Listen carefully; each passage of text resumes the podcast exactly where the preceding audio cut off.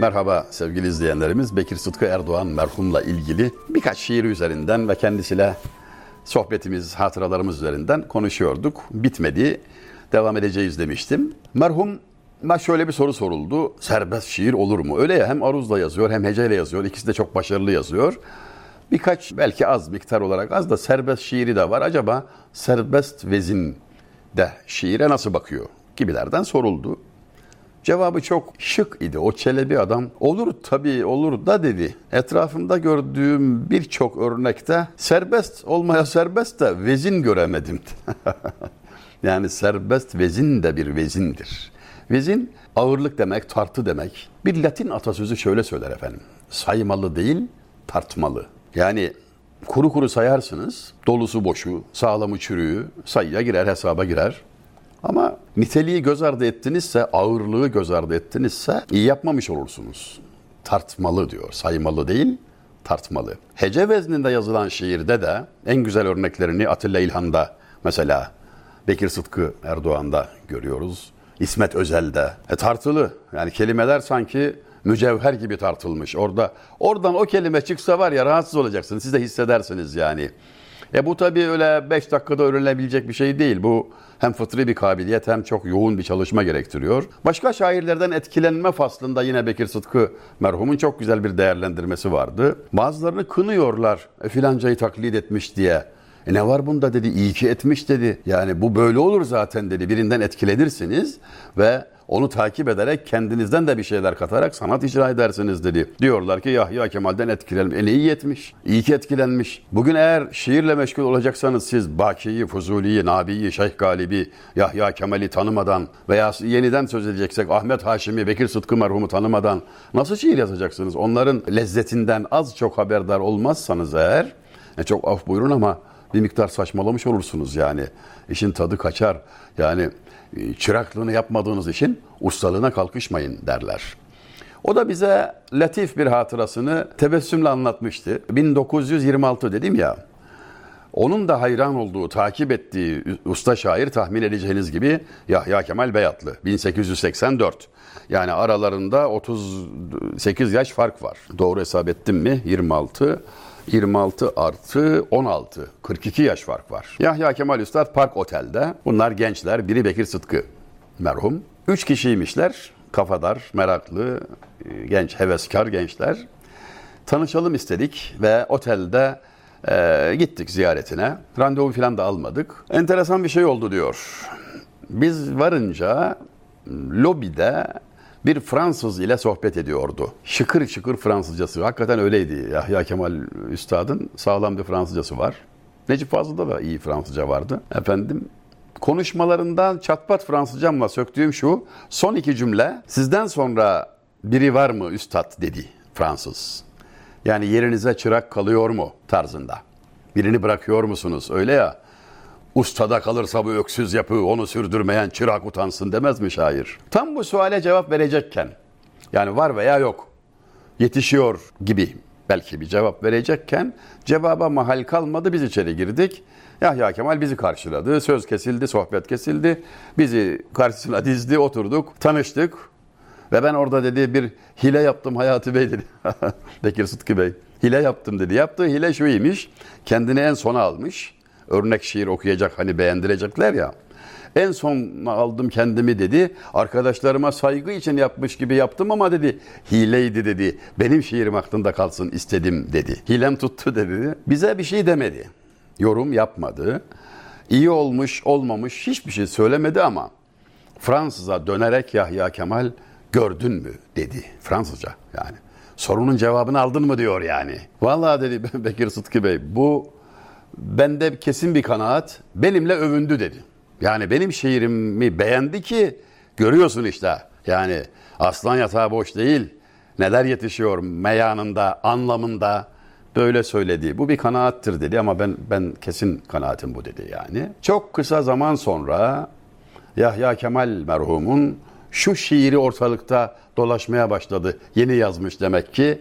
O şiir eslaf kapıldıkça güzelden güzele, fer vermiş o neşveyle, gazelden gazele, Sönmez seheri haşre kadar şiiri kadim, bir meşaledir devredilir elden ele.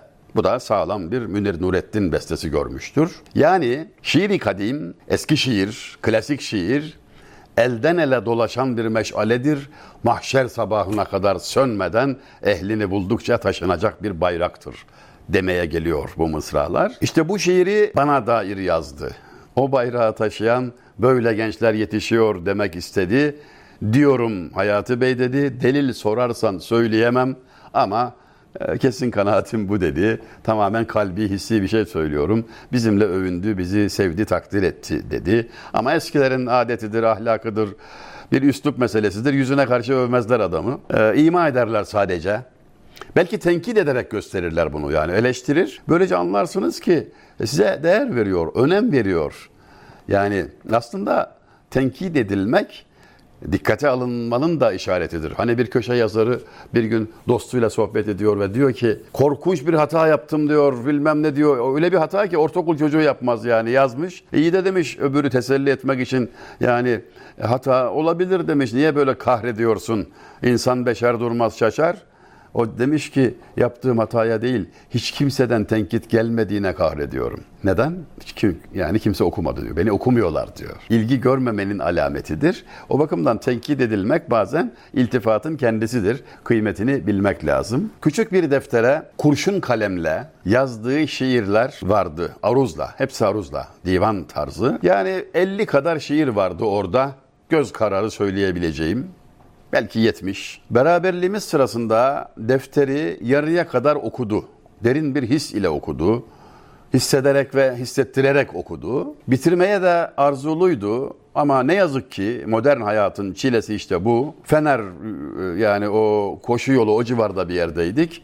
Pendik'te, Kurtköy'de kalkacak tayyarenin vakti yaklaşıyordu. Yetişmek zorundaydım. Mazeret beyan ederek e, affımı istedim.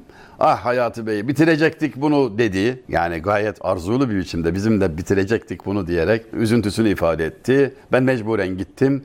Tekrar bir araya gelmeyi arzu ettikse de nasip olmadı. Ecel erken geldi. Allah gani gani rahmet etsin kendisine. Bu arada bir televizyon programına konuk olarak çağırdım. Hemen yanımızdaki camiye yardımsız gidemiyorum Hayati Bey. Ne yazık ki mümkün değil. Eğer kamera eve gelirse belki çekime elimden geleni yapmaya çalışırım dedi. O da nasip olmadı.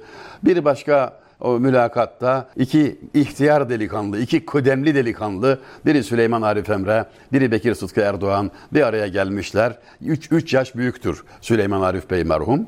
Eski meclis başkanı, eski başbakan yardımcısı falan yani. Oradan beni aradılar. Biz iki kudemli delikanlı burada sohbet ediyoruz. Seni de andık Hayati Bey diyerek bizi doğrusu cidden onore ettiler işin en açığı. Çok sevindim onların bizi böyle dikkat alıp aramalarından dolayı. O da vefat etti. Cenab-ı Hak derecelerini âli etsin, taksiratlarını affetsin. İki cihanda hepimize sıhhat, selamet, afiyet versin. Cümlemizi dünyada ve ahirette sevdiklerinin yolunda ve yanında bulundursun. Bu noktada merhumun bir şiirine daha temas edip sözü bağlayalım inşallah. O kadar çok ki şiiri seçim yapmak da kolay değil. Bu şiiri ayak sesleri ismini taşıyor. Hece vezninde. Her akşam işte böyle gam gelir bana. Benden kederli bir adam gelir bana. Dostum değil gelen benim garipliğim. Dostum mu var ki bir selam gelir bana. Zehr oldu yar elinden içtiğim kadeh. Zemzemde sunsalar haram gelir bana. Ağlar gönül o yemyeşil baharlara. Meltemlerin hayali sam gelir bana.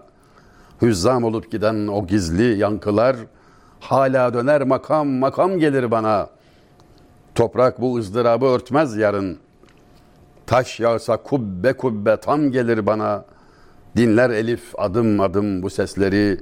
Her akşam işte böyle gam gelir bana. Evet, üslup sahibi bir üstattan bahsediyoruz. Yani hakikaten insan böyle isimlerle övünüyor. Her zaman söylerim. Yahya Kemal gibi bir şairiniz varsa siz büyük milletsiniz arkadaş.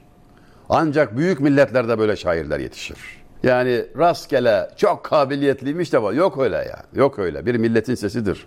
Süleyman Çelebi'nin mevlidi bahis konusu olmuştu da bir Arif dostumla sohbet ediyordum. Bir insan dedi nasıl yazar böyle bir eseri? Öbürü cevap verdi. Eksik olmasın. Onu yazan bir millet dedi. Millet. Bir millet yazıyor. Kalemi sadece Süleyman Çelebi merhum tutuyor. Allah ona da gani gani rahmet etsin. Vesselam hazinemizde neler neler var. Biz çok zengin bir medeniyetin evladıyız, ahfadıyız, mirasçılarıyız. Yeter ki idrak edelim, yeter ki tanıyalım sevgili izleyenlerimiz. Bir sonraki videoda yine görüşmek ümidiyle.